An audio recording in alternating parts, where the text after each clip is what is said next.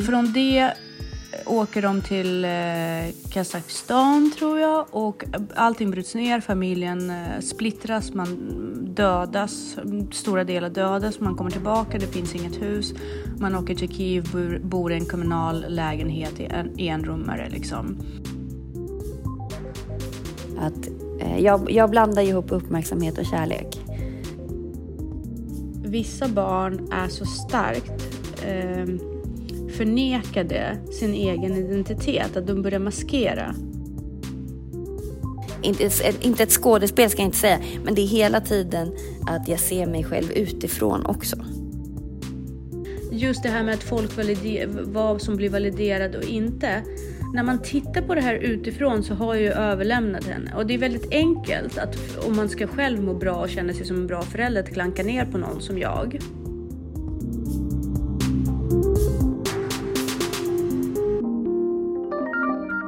Jessica! Hej Tanja, hur är det? Det är Sista bra. dagen på året. Sista dagen på året. Tycker du om nyår?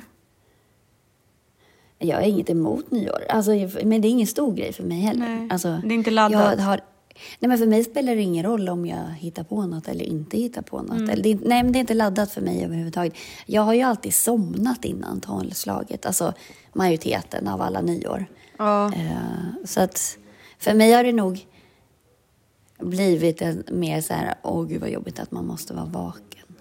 Eh, men jag har haft jätteroliga nyårsfester och där jag inte har somnat också. Men nej det, nej, det är inte laddat överhuvudtaget för mig. Och jag är ju inte sån här som har nyårslöften och sånt heller. För jag är mer så här, kommer man på att man ska göra någonting så gör man det. Alltså jag förstår inte det här med att jag börjar på måndag eller nästa vecka Ja. eller det här året eller... Nej, jag, jag, och jag tycker att det blir bara jobbigare då. Alltså, först måste man vänta tills man kickar igång. Och sen så här, vad är poängen med att göra det just på nyårs... Alltså, äh, jag vet inte. Jag tycker det är jobbigt att folk har förväntningar på nyårsafton och då känner jag att jag behöver leverera. Vilket skapar en spänning och prestation kring det. Och jag är ju hellre så att ja, men vi käkar middag och ser vad som händer. Och sen njuta av stunden än att liksom, och 12 måste vi se fyrverkerierna. Om vi inte ser fyrverkerierna då är allt misslyckat och då har vi inte liksom... Ja, men det- ja, det där känns ju så här hysteriskt. Alltså, för- Ja. Men det där går ju in i... Eh, det där är ju en sån grej som... Alltså jag har ju en aversion, generell aversion mot när väldigt många gör samma sak eller tycker likadant. Mm. Eh, så att då blir ju jag väldigt anti. Alltså det här att nyår ska vara så perfekt. Då blir jag mer så här, men ursäkta, det är bara en helt vanlig dag som alla andra. Liksom. Ja, men, Så, ja, så jag har ju inga förväntningar och jag tycker nästan att det är lite fånigt när man har massa förväntningar. Fast det är ju självklart inte fånigt. Men jag blir provocerad Mm. när folk har förväntningar på nyår. För bara av att ha det så tycker jag att det blir töntigt. Det sabbar liksom bara för den Ja, sakens skull. Jag håller med. Och eh, det, för som sagt, det, det sätter ju prestation över att man njuter och sen så vet man inte riktigt vad den andra personens förväntningar är. Och sen kanske man inte har lust och sen så tänker man så här, ja ah, men om jag inte gör det då kommer den personen bli besviken. Och det, det blir så här snöbollseffekt där man måste vara påklädd eller uppklädd och man måste ha gjort i ordning håret. Det, det, istället för att liksom bara, ja ah, det här blir mysigt, äta middag, så blir det massa måsten. Och jag, jag har väldigt svårt för det också. Och under många år har jag faktiskt inte kunnat bryta ner och förstå varför det är så. Jag hade diskussion igår om det, varför jag gillar jul mer än vad jag gillar nyår. Därför att vid nyår ska allting kulminera klockan 12. ja. Det blir sån himla press på det här tolvslaget. ja, men då blir det ju nästan att jag bara har mjukiskläder och firar själv. Eller jag firar inte ens. Jo, exakt. Men det, det är dit jag också försöker komma. Att jag orkar inte. Alltså, Nej. I år har jag inte kunnat åka till Stockholm till exempel och fira nyår med eh, mina föräldrar och min dotter för att jag känner att jag är för stressad och pressad med huset och liksom min resa som jag haft nyligen till Norrland och så. Och då blir de så besvikna. Och då är jag så här, men snälla, om sju dagar ska vi åka till Mexiko i två veckor. Varför är det en big deal?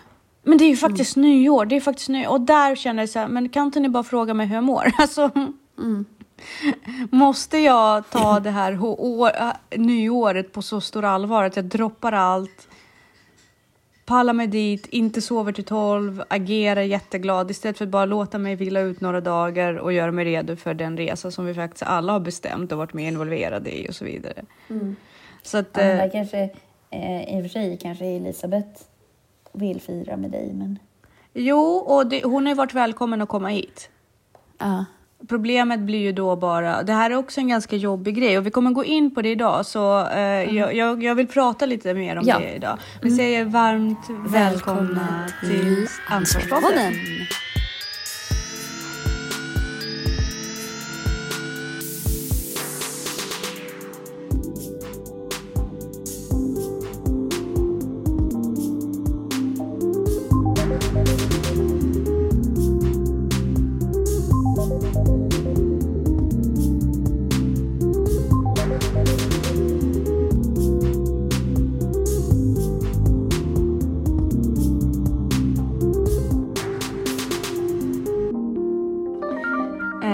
Idag tänkte vi prata om inre barnet.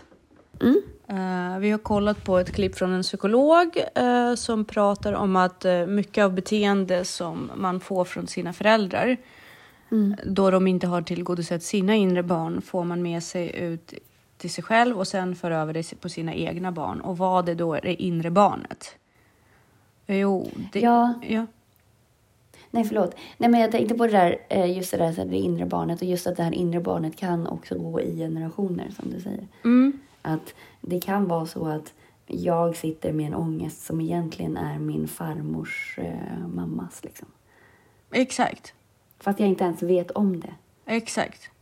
Och eh, det är väldigt intressant att vi tar upp det därför att jag har ju pratat eh, både eh, med dig om det här men jag har också pratat med en vän om det hur det här att man måste bryta cirklarna av den här generationsångest och, eh, och problematiken som har följt med utan att man brutit ner och ifrågasatt men varför är det så?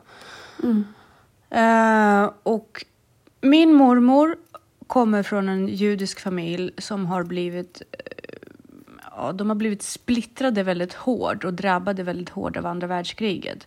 Och från att ha bytt, bott i en ganska rik judisk by i Ukraina och haft eget hus och hushåll och hållit väldigt hårt på traditionerna, så var min mormor uppväxt.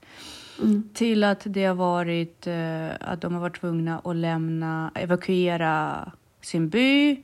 Byn brändes ner, hela deras eh, hushåll försvann. Alltså de, de kanske inte var särskilt rika, men de var välbärgade för, för, den stat, alltså för den nivån som man levde där. De hade, liksom, de hade en piga och så vidare. Och så vidare. Och från det åker de till eh, Kazakstan tror jag och allting bryts ner, familjen eh, splittras, man dödas, stora delar dödas, man kommer tillbaka, det finns inget hus. Man åker till Kiev, bor, bor i en kommunal lägenhet i en enrummare liksom. Eh, kommunala lägenhet, jag vet inte riktigt om sve- svenska människor vet vad det är. Det är när man tar en vanlig lägenhet och bygger i princip pappväggar emellan. Och så får man en liten vrå att bo i. Uh, och, Ja, men det hade ju vi, under kriget hade vi kommunala lägenheter när man gjorde om gympasalar och sånt till, alltså typ. Alltså ju bokvarter. så här, ja, men typ bostäder fast man bara hade så här skärmväggar emellan. Ja, men då, precis. Samma koncept i princip. Eh, men eh, vilket lever än tyvärr kvar idag i Ukraina. Kvarlevorna av det finns ju. Man, man försöker bryta ner det. successivt. Poängen är att i min familj finns det en ångest av att ha haft en stor familj. Eh, där alla höll ihop och hade det bra. För det är det som, men det är också samma, det är viktigt att komma ihåg att det är bara rent minne. Att allting var bra. Visst, det var tryggt, men jag tror knappast att allting var bra. Jag tror också det var intriger och bråk och så, men det minns man inte. Ångesten lever kvar i att man hade en stor familj som höll samman, alla älskade varandra och man skulle samlas i köket varje kväll. Så, lite. Den där eposet av min familj på mormors sida. Som sen då min mamma tvingades att ta över den här ångesten av att alla ska vara tillsammans hela tiden, särskilt på stor högtider och så vidare. Som sedan kom på ett konstigt sätt ut på mig kring hela julgrejen. Att jag började liksom nästan göra religion av jul, över jul. Allting skulle kulminera en väldigt lyckad kväll. Men jag har ju brutit ner det här på senaste tiden och insett att i det här finns det en Finns det någonting som har missunnats mig till exempel? Man har missunnat mig att eh, fråga mig hur jag vill fira nyår, eh, eller jul och nyår, var jag vill fira. Man har bara förutsatt att det ska vara på det här sättet. Men ska man alltid fråga barn om allting? Vad sa du? Ska man alltid fråga barn om allting då? Absolut inte, men när barn slutar vara barn, Ja. då kanske man kan eh, fråga om behoven. Annat än att förutse att allt ska vara på samma sätt. Jag menar, Eller jag- så bara får barnet säga till då. Att Ja, eller om man säger till att vet du, nu har jag velat, nu vill jag fira nyår med mina kompisar. Att det ska vara en acceptabel miljö. Absolut. Jag vågade ju knappast göra det när jag växte upp. Nej. Det, det fanns ju inte, det skulle vara en förolämpning. Och jag är helt säker på att om jag faktiskt skulle sätta mig emot det, att det till slut skulle gå, absolut. Men bara att miljön är så påtalande gör ju att vissa saker blir en komplex redan innan man vågar ifrågasätta sig själv. Mm. Eller ifrågasätta situationen, utan det är så här, vill du hänga med på fest? Man, liksom, på en gång säger man nej, för det är en sån tabu i huset. Och det behöver inte bara handla om det, utan jag har märkt att min, min, min familj, säkert många andra familjer också, jag menar fortfarande ingen dålig familj, men min, mitt liv har varit full av de här subtila måsten som jag aldrig har ifrågasatt. Och när jag mådde som sämst så kunde inte ens jag definiera vad jag vill och inte vill. Nej. För att jag visste inte. Nej. Och när vi tittade på det här klippet så märkte jag ju, så sa hon vid någon tillfälle att vissa barn är så starkt eh, förnekade sin egen identitet att de börjar maskera Mm. Och vara någon annan redan i väldigt tidig ålder. Vilket slukar otroliga mä- mängder av energi. Mm. Och någonstans kände jag igen mig i det. Mm. Och det var det som gjorde att jag ville prata om det här inre barnet och hur, hur man validerar det inre barnet idag för att inte må så skitdåligt liksom. Mm. Över saker och ting som man aldrig, aldrig kan riktigt prata om eller definiera eller förstå. Mm. Jag har inte blivit validerad för min personlighet och mig, och mig som liten Nej. tillräckligt mycket. Nej. Och det är min vision av det. Sen har jag ADHD och folk som har ADHD är ju extremt, alltså de behöver väldigt mycket mer bekräftelse. Mm. Och mycket mer uppmärksamhet. Och ofta, inte alltid, men, men ofta. Mm. Så jag vet inte om det kan handla om mina behov eller om det är hur jag ser det. Men jag, min vision Mm. är att jag inte blivit tillräckligt validerad. Nej. Vad känner du inför det? Inför... Eh, Dig själv, inte inför mig. Nej, men jag tänkte inför påståendet om dig? eller nej, nej, inför det, i, i, hur du förhåller dig till inre barnet och ditt inre barn framför allt. Nej, men jag håller med. Eh, jag har nog alltid haft ett väldigt stort uppmärksamhetsbehov tills jag kom på att... Eh, att jag, jag blandar ihop uppmärksamhet och kärlek. Eh, och var nog väldigt tras... Eller liksom sådär. Tills jag kom på det att det är inte, det är inte kärlek liksom, utan det är bekräftelsen. Eh, och så började jag väl gräva i vad, vilken, vad är det för bekräftelse jag behöver. Vad är grejen liksom? Eh, och landade väl i att eh, absolut det är bekräftelse men det handlar mer om att göra. Eh, så att jag gick ju från att vara väldigt bekräftelsesökande till att eh, inte vilja interagera med andra överhuvudtaget. Liksom, Alltså att jag vill inte ha någons åsikt om vad jag gör eller inte gör. Eller så. Och där någonstans har jag väl också kommit på att det här kanske också handlar mycket om, jag gillar inte att bli bedömd. Mm. Jag gillar inte, om jag inte har frågat om det, Precis. jag gillar inte att folk har åsikter eller att folk ska värdera vad jag gör. Mm. För de har ingen aning om vad jag gör eller inte gör. Lika, liksom, det är väl klart att det är härligt att få komplimanger, men de har ingen aning om hur lätt eller svårt det var. Och det kanske inte är alls någonting som behöver komplimeras, medan någonting annat som till synes är mindre kanske behöver komplimeras jättemycket. Och folk har ingen aning, folk tycker så jävla mycket. Eh, och Men jag tänker väl att alltså om man tittar på de här kriterierna, eller vad man ska säga, för barn då som har växt upp med trauma. Ehm, så där har jag väl också så här, ja men varför? För då tar de ju upp en av kriterierna, till exempel att man är, väldigt, alltså man är osäker eller att man eh, har svårt för kritik eller så. Det har ju jag haft mycket. Men jag tror mer att det är faktiskt en medfödd grej eh, och att det har att göra mer med min sociala fobi har jag ju blivit medveten om eftersom Ludvig har exakt samma sak. Och han har haft det sedan han var ett och ett halvt. Liksom. Och jag tror inte att han... Jag kan inte se någonting i hans uppväxt fram till han var ett och ett halvt som skulle kunnat ha påverkat honom. Det är mer att han är känslig. Och han säger ju det själv också. Eh, Det kan ju han säga när han sitter och pratar med sina kompisar. Och någon säger, han bara, men jag är känslig.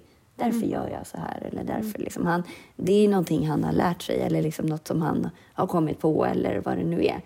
Eh, men han är känslig på exakt samma sätt som jag är känslig. Eh, och han var det väldigt, väldigt tidigt. Så att jag tror mer att det har att göra med våra hjärnspöken. Och jag tror att de är genetiska. Eh, för det finns ingen anledning för honom att tro att någon ska skratta åt honom i skidbacken till exempel. Eller liksom, det är aldrig någon som har skrattat åt honom. Eh, så att han har ju orim, alltså, som, alltså med social fobi, liksom, han har ju en orimlig tanke kring vad andra människor möjligtvis kan tycka eller tänka om honom. Eh, och det har ju jag också, eller hade när jag var liten. Men, men mitt trauma är väl att jag aldrig någonsin har känt att någon har förstått mig. Eller liksom lyssnat på mig eller... Tagit sig Eh, tiden att Nej, men vara intresserad av det på de. riktigt. Det har de. Ja, Alltså, precis. det är det. Men, men mitt behov var ju omättligt. Eh, och det är väl lite ur den här ADHD eh, Spektra. spektrat liksom. Eh, att det handlade inte om det. Nej. Det handlade ju om en, en, en orimlig törst på något vis. Precis. Men jag kan ju fortfarande känna att det är ingen som förstår. Alltså, Det är som vi har pratat om tidigare, att eh, man kanske inte är helt liksom, lämpad för den här världen. Alltså, det känns inte naturligt. Den är inte naturlig. Nej. Det är hela tiden ett, inte, ett, inte ett skådespel ska jag inte säga, men det är hela tiden att jag ser mig själv utifrån Ja. också. En kamp Alltså om det är- anpassning hela tiden. Ja, men precis. Verkligen, verkligen en kamp om anpassning och också en kamp om, eller en ansträngning att Alltså om, man, om det finns en sån här övermedvetenhet på något vis som, som tar väldigt mycket energi. Ja, precis. Det hela, det, saker kan inte vara enkla. Nej, Det kan, det, all, allting, alltså om någon bestämmer sig för någonting på jobbet, en helt oväsentlig grej som att ja, vi ska aldrig lämna kaffekopparna i disken. Nej men alltså, och då är alla med på det och sen blir det, jätteko- det blir jättetydligt för alla. Men det är klart att om du har bråttom till en lektion så får du lov att lämna. Alltså det är ingen stor grej, det flyter på, det är bra. Men jag kan bli så här, men varför lämnar du då? Om vi har gjort en regel, alltså förstår du?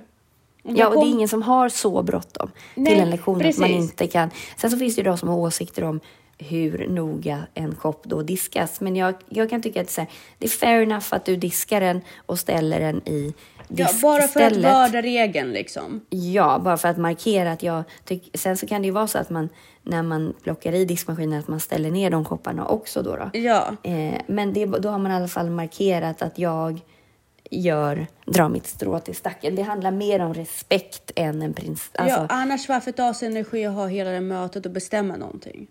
Ja, eller bara om du inte vill diska koppar, bara ha din egen kopp då, så har du den på din hylla och sen så tar du med dig den. Och sen, du behöver inte ställa... Det, Och det ska inte problemet, finnas... förlåt att jag flikar in, och det handlar, nu var ju koppen bara exempel, men poängen är att hela livet går ut på att hela tiden göra, ta, ta, kompromissa bitar av sig själv för att inte hamna i de diskussionerna. För att inte plocka, för att inte bli sträv och ifrågasätta. Därför att ens naturliga naturliga väsen är jätteintresserad av vissa saker och bara, men varför? Och vill älta sig, älta mig, jag säger diskutera det. i en innuendo. Och andra saker, jag bryr mig inte om dina barn. Jag bryr mig, men jag måste ändå prata om det på jobbet för jag inser att det är en viktig del av, av socialt samspel. Och det här gör ju att man hela tiden, från man går upp på morgonen till att man går och lägger sig på kvällen, vare sig man har medicin i kroppen i mitt fall eller inte, måste ifrågasätta varenda sekund av sin, Ja. av sin tillvaro. Och på något sätt validera sig själv hela tiden på vägen. Och säga, men det här gör du bra, det här gör du inte bra. Varför är det här eller- inte bra? Ja, men eller är det här bra utnyttjande av tiden? Precis. Eller är det här, ja. Precis. Och hela tiden, så man kan, inte, man kan aldrig bara flytta på. Autopiloten Nej. finns inte. Nej, men det märker jag alltså nu. Det här är ju... Jag har haft jullov nu. Mm. Alltså jag är så dålig på att bara vara. Då kommer ju den här ledsamheten som bara är där under hela tiden. Att, och jag har inget att vara ledsen för. Det Mm. Nej. är bara... Nej. Nej, det är, nej, det är super. Och då, då han, det är ju verkligen en kamp. Ja. Och då sitter Att man där inte här, börja... Ja. Ja, förlåt, vad sa du? Jag ber om ursäkt. Nej, nej, nej, nej, nej, ingen fara. Nej, men det är ju så här att är en kamp mot att inte falla ner Mm. i ledsamheten. För när man inte ens har något att vara ledsen för. Exakt. Alltså Men- det är så här, man bara, okej jag upplever den här känslan men den är inte på riktigt. Varför kommer den nu? Var, vad, vad är ditt jävla problem? Exakt, hela tiden. Ja, men det är hela tiden söka på svar på varför man mår som man mår. Så varför, inte bara acceptera känslorna för vad de är. Ja, men det gör man ju också. Det är liksom, men, men när du har en vardag och har fullt upp, då hinner du inte stanna upp och då känner Mm. du inte. Precis. Och då tänker man så här, är det så att andra människor inte har det eller är de bara bättre än vad jag är på att ta det? Eller är det bara... Jag tror både och. Och hela tiden ifrågasätta sig själv om är man normal eller är man inte normal. Eh, varför är man så här och varför är ingen annan? Alltså, hela tiden det här spelet fram och tillbaka, flipperspelet med sitt mentala jag. Ja. Eh, eller pingespel där man hela tiden måste bolla fram och tillbaka om vad man känner. Och är det här äkta? Är det här inte äkta? Och där tror jag jag håller med dig att oavsett hur mycket min familj skulle vara fokuserade på mig. Mm. Precis som i, din, i ditt fall. Det här är ett hand, eller inte handikapp, men det är, någon, det är en eh, variation, en mental variation, funktionsvariation som jag har, som jag också måste som vuxen vara tillräckligt mogen och genomarbetad mentalt för att kunna se det från ett vuxet perspektiv och säga, men Tanja, ja, folk gör misstag, dina föräldrar gjorde också misstag när de hade det, det är sant, det gjorde de. Men de gjorde inte det av illvilja. Utan det är en kombo av att de gjorde sitt bästa men ibland misslyckades och din funktionsvariation. Mm. Som har kommit att kulminera i hur du mår nu och hur du tar ansvar för det måendet. Istället för att bara lägga över hela bördan på att de var dåliga föräldrar. Mm. Men mängder av energi, Jessica, som går åt det här. Mm. Och behovet av att fostra sitt egna lilla barn är ju fantastiska. Mm. Vi skulle kunna, jag, jag tror ju säkert att vi skulle kunna liksom ha ett helt eh, elverk fungerande bara på den energi Ja. som går åt att bara bolla det här mentala spelet fram och tillbaka. Mm. Och det tror inte jag att alla kämpar med, faktiskt. Ja, Jag hoppas inte det för alla andras skull. Jag hoppas inte det. Nej, men, nej, men jag tror inte det. Och jag tror att de som kämpar med det... Om jag ska vara krass så tror jag att både du och jag hanterar det ganska bra. Jag känner ju stundtals att man typ håller på att bli galen. Mm. Eh, för att man ena stunden är okej och nästa stund är jätteledsen. Mm. Och så försöker och hur det kan pendla så fort. Eh, samtidigt som man ska så här, inte hålla masken, för det handlar ändå om livet. Det handlar om att det handlar inte om att hålla masken, det handlar om att fokusera på det som är mest fruktbart på något vis. Målet, precis. Att hela tiden ha ett mål som, som någonstans tar det ut ur stormen. Så man har en liten, vad de heter, lighthouse, vad heter de, fyr. Ja, I, ja, sitt, I sitt sinne som lyser starkare än de här vågorna som hela tiden själv, skälver över en. Eh, och, eh, av mörker och ifrågasättande och varför hela tiden man bara hela tiden väljer bort och försöker styra med det här fyret. Ja, det, den är svår. Den är svår. Och då, just det här med att bli validerad av andra eller tvärtom att höra andras åsikter. Det blir då extra känsligt därför att ingen vet vilka stormar man upplever samtidigt som man gör allt det här vardagliga. Mm. Man, Nej men för grejen är den, tänker jag också så här, just den här validering, valideringen fyller ju också en annan funktion. Det fyller ju funktionen av att du faktiskt betyder någonting och att du har en funktion Mm. i den här känslan som annars är rätt meningslös. Och, för det är lite det som är famlandet i den här ledsamheten. Att man inte, ingenting, det betyder ingenting, det har ingen funktion, det är inte viktigt, det är inte... Och valideringen gör ju åtminstone att på liksom det här mikroplanet så kanske det betyder någonting ändå. Men, men om vi pratar, om vi går tillbaka, jag håller fullständigt med dig om det, men om man går tillbaka till det här, ska man fråga barnen? Ju, Ja. Just om man kopplar det här validering kontra ska man fråga barnen och hur man inte för över det här på sina barn. Vad jag har insett med min situation nu och jag har ju liksom på något sätt enligt då hur det ser ut från min familjs sida överlämnat Elisabeth helt och hållet till mitt ex. Och liksom eh, egoistisk och bara ta hand om mig själv just nu. Och eh, Gud vet va, vad som händer med mig. Liksom. Och jag är, bara, jag är på, ett konstigt, eh, på en konstig resa att upptäcka mig själv. Må så vara. Samtidigt, samtidigt så har jag ju kommit fram till att jag har aldrig nekat henne att vara med mig. Nej. Jag har alltid varit väldigt öppen med att hon är alltid välkommen. Mm. Jag har alltid sagt att jag kommer vara där och jag är där när jag kan och klarar av. Och när jag inte är där så handlar det inte om att jag inte vill vara med henne. Och hon är fortfarande välkommen till mig även om det är svårt för mig att ta mig dit. För jag har ingen körkort och hon har ju li- lite lättare eftersom hon inte jobbar. Ja. Nej men alltså hon, ja precis. Så att hon är alltid, alltid välkommen och jag kan alltid hjälpa henne att komma till mig. Hämta Ja. henne och så vidare. Men det är inte alltid jag kan vara där. Nej.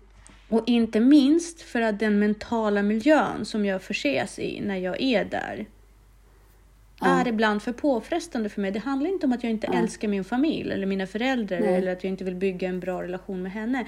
Utan det handlar om att för att jag ska kunna fungera optimalt, då måste jag få välja när jag är redo att vara med dem. Ja. Annars fallerar allt.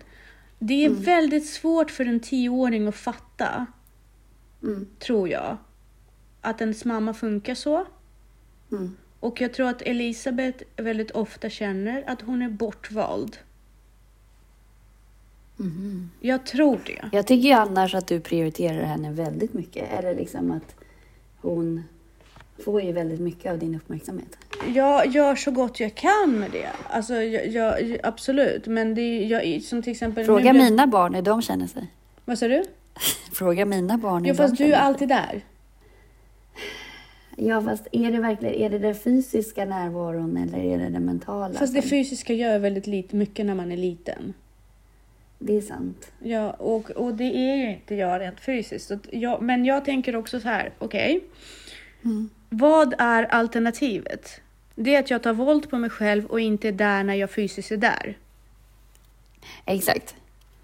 Och då tänker jag så här, fine, jag mäter inte upp till bullmamman som är där 24-7 och har allting under ordning. Men det är inte där jag sätter min ribba, utan jag sätter min ribba att vara det bästa jag kan vara och inte det värsta jag kan vara. För det värsta kan vara att vara där och bråka och inte vara närvarande när jag är närvarande, utan att de små stunder som jag kan ge, Ja. att jag är helt och hållet hennes. ja. Men det, det, är ju, det är ju inte jag. Jag är ju inte 100% där hela tiden. Alltså jag, är, jag är ju här fysiskt, Jo. men jag har ju inte fokus på dem hela tiden. Nej, men det är för att du har en annan möjlighet att ge dem fokus när du väl kan. Så alla utgår från sin egen modell, det måste du inte. Det är inte det som är poängen. Poängen är bara att just det här med att folk validerar, vad som blir validerat och inte. När man tittar på det här utifrån så har jag ju överlämnat henne. Och det är väldigt enkelt att om man ska själv må bra och känna sig som en bra förälder att klanka ner på någon som jag. Mm. Och bara, men titta på henne, hon är inte ens där. Mm. Och visst, så är det. Men det är som du säger, man har ingen aning om vad som Mm. har lett till det, Nej. hur det är att vara med i den stunden. Nej. Och är det verkligen din kritik jag behöver just nu? Nej. Nej men alltså och så. Och, och där tror jag att kvinnor är väldigt duktiga på att stjälpa varandra. Absolut. Gud ja, vi är, ja, sjukt jävla bra på det. Sjukt bra på det. Eh, Och sen Sjukt även, bra på det. ja, och sen även från föräldrarnas sida. Att man, att man inte... För jag tänker så här, om Elisabeth fuckar upp eller gör någonting som jag inte tycker om eller verkligen tabbar sig jättemycket. Det första jag har lust att göra, alltid, är att krama om henne och bara, jag finns här. Ja, men det finns ju de här tre frågorna eh, eller men som vi kanske borde ställa varandra. Och det har vi, det har vi pratat om tidigare Mm. med det här, hur kan jag, what can I do to serve? Mm. Liksom. Precis. Eh, och just det här, hur, hur mår du? Mm. Eh, hur kan jag liksom stödja dig eller hur kan jag Vad är ditt underlätta behov för dig? just nu? Ja, precis. Och vad behöver du från mig? Mm. Precis. Och att, Och initiellt är det den, den, eh, den grejen jag går in i alltid när hon har gjort någonting fel. Alltså nu pratar vi inte att hon kanske sitter och slabbar framför bordet eller liksom, och gör dumheter. Utan när hon har verkligen känt att hon behöver fly till någon som inte dömer. Mm. Och det är den funktionen jag känner att jag kan ge henne. Allt annat kan de andra ge henne. Just det här kan ingen annan ge henne. Och då tänker jag så här, som en familj kring ett barn. Är inte det viktigt för mig att jag ser till att hon får alla funktioner? Hellre än att det är jag som uppfyller alla funktioner och misslyckas. Mm. Så tänker jag. Jag, jag. jag tänker lite som Putin där. Nej men jag gör det. ja, Annars överlever inte jag. nej. Det kanske inte är jättesnällt att hänga över henne på mina föräldrar när jag inte kan finnas fysiskt där. För det är inte Nej. demokratiskt. Nej, Men då åberopar jag att de faktiskt är morföräldrar. Exakt. Och att jag har det behovet just nu. Mm. Och nej, det kanske är själviskt, men det är så jag kan se till att mitt barn mår bra. Mm. Och sen tänker jag på det här kontra hur mina föräldrar har bemött mig. Och där känner jag att där har min familj inte varit jätteduktig på att bara prestationslöst bara jag älskar dig, här finns jag för dig, hur kan jag göra? Utan det har alltid varit så här, men varför har jag gjort så? Och bla bla bla. Och det är det jag jobbar med mitt inre barn, för det är där mina, det är där mina problem ligger. Just där. Mm. Mm. Och genom att sålla vad som är min personlighet, vad som är min mentala problem och vad faktiskt inte var okej att göra som förälder. Mm. Det är där jag börjar faktiskt fostra det här inre lilla barnet och bara, det är okej, det är okej, det här var deras fel, det är det, men det är fortfarande så, du klarar det nu. Men har du kartlagt ditt barn? Liksom? Att du har klart för dig vad, eh, vad det brister Ja. och vad du behöver? Ja, Ja. ja. Och det är prestationslös kärlek, att oavsett vad jag gör, Mm. eller hur, eh, att om jag försöker mitt bästa och inte gör någonting för att skada någon med illvilja, Mm. att vi kommer älska dig och ta hand om dig och inte lämna dig. Mm. Utan det, jag har alltid gått på gränsen till att bli, eh, eh, vad heter det, bortplockad från flocken. Mm. Om vissa av mina beteenden Ja, men att bli utstött liksom. Ja, precis. Och eh, det här med att inte prata med mig i dagar. Nej men, det är ju så taskigt. Ja, alltså som, för ett barn med ADHD är det ju ännu Ja. jobbigare. Ja, det är helt fruktansvärt. Det är varit, Alltså alltså, det är så, det är så fruktansvärt. Det är inte okej. Ja, alltså jag kommer inte ihåg om de inte dök upp någon gång eller om de var sena eller om jag inte fick någonting som jag blev lovad. Aldrig. Jag kommer aldrig ihåg de saker för allt kan hända. Men att inte prata med mig. Mm. Det varit det värsta straffet jag någonsin fått. Ja, nej men alltså det är nog det värsta straffet för väldigt många. Det är därför det är så effektivt. Mm, precis. Och bara ignorerat och... Mm. Ja, så där sitter jag och jobbar med de här kartorna och bara, ah, okej, fine. Så när jag blir idag, till exempel idag sitter jag ju 31 och bara hela tiden tänker så här, men jag drar dit i alla fall. Jag drar dit i alla fall. Mm. För att skammen är så hög. Nej, men du har inget att skäm... Nej, du har inget att känna skam för. Nej, men jag känner ju det. Att jag på något sätt Mm. dissat och bla bla bla. Och... Då är det ju bättre att, att för det du, det du känner skam för egentligen, det enda som är att beakta är väl gentemot Elisabeth. Men då är det väl bättre att bara prata, ringa upp henne och prata med henne och liksom förklara. Gud, ja. Och barn är ju rätt softa liksom. Absolut. Och där har De fattar ju så länge man pratar med dem. Ja, och det gör jag och jag dömer aldrig och så vidare. Och jag bjöd ju in henne redan eh, när jag var på väg hem från Norrland och sa att du är så välkommen men jag kommer inte orka. Och hon sa nej för jag vill vara med familjen. Jag bara okej fine. Ja, det, och där sitter inte jag och säger så här, men jag kommer sakna dig så mycket. Nej. Utan tvärtom, jag är så här, så länge du mår bra så är det okej, jag finns här för dig en annan dag. Mm. Och där känner jag att jag kan ge det till henne. Och sen så visade det sig att hennes farmor kunde till slut komma från Israel igår. Och jag tycker så här, ja Mm. jättebra, då har hon ju det. Hon har ju det hon behöver. Ja, men precis. Sen är det Ja, bara hennes... Det är klart att hon vill ha mig där. Ja, men så länge alternativet är Exakt. bra, Exakt. så då är det ju cool. Ja, och meningen är också så här, det tar tid att bygga upp saker. Mm. Och börjar inte jag bygga och göra uppoffringar i form av en 31 här och bla bla bla och inte Mm. kommer till den här mentala stabiliteten som jag vill komma här. När hon är 18 och hamnar i en fucking riktig depression Mm. och jag faktiskt inte kommer ha råd eller möjlighet att vara där för henne. Mm. Då kommer det inte spela någon roll att jag har firat nyår med henne när hon var 10. Det vet man ju inte. Nej, men för, nej, nej, det gör man inte. Men förstår du vad jag menar? Mm. Jag tror att jag, jag vill hellre... Ja, men det viktiga är ju alla timmar och sekunder, vad som görs med dem. Det, är inte, det är inte, handlar inte om julafton och nyår och så, utan det handlar ju om alla vardagstimmar. Det är på samma sätt som att det spelar ingen roll vad du äter mellan jul och nyår. Det Exakt. handlar om vad du äter emellan. Nyår och jul. Ja. Ja, precis. Att, Nej, men jag tror att så länge grundrelationen är bra mm, och man har en öppen dialog, då tror inte jag det blir fel. nej, nej. Men brukar dina barn skuldbelägga dig? Aldrig. Aldrig? Jo, eller Ludde han kan ju säga att jag är den sämsta mamman ever när han blir arg på mig. Men det har han faktiskt inte sagt på länge. Ja, Eh. Däremot är de väldigt, väldigt duktiga på att skaffa sig bekräftelse själv. Att vadå sa du? Eh, att skaffa sig bekräftelsen själv. Ah. Om de känner att de vill ha bekräftelse från mig Mm. så kommer de fram och ber om det. Eller liksom att så här, de vill ha kram och de liksom, eh, är gulliga och då får de ju det tillbaka också. Ja, det är väldigt Eh, bra. Så att, och Ludde kan ju inte gå och lägga sig utan att han typ har kramat och pussat mig godnatt typ fem, sex gånger. Alltså så här, en till kram, en så- till kram. Alltså, så Ja. han är jätte... Och det tror jag är räddningen för honom eftersom han är så otrygg Mm. och osäker. Så att jag måste bara, så fort han sträcker ut en hand för bekräftelse så måste jag ge honom den. Mm. Men sen så är han inte så bekräftelsesökande i vad han gör. Han är väldigt bekräftelsesökande i hur han är. Personlighet liksom. Ja. Mm. Vad bra. Det verkar som att han, han har verkligen börjat förstå sig själv väldigt bra i en väldigt tidig ålder. Ja, men hyfsat i alla fall. Så Ja. att, ja. Ja, ja, men det här får man ju fortsätta jobba med. verkligen. Absolut. Och det här att göra skillnad på vad som är ditt inre barn och vad som är Mm. omständigheterna runt omkring. Mm.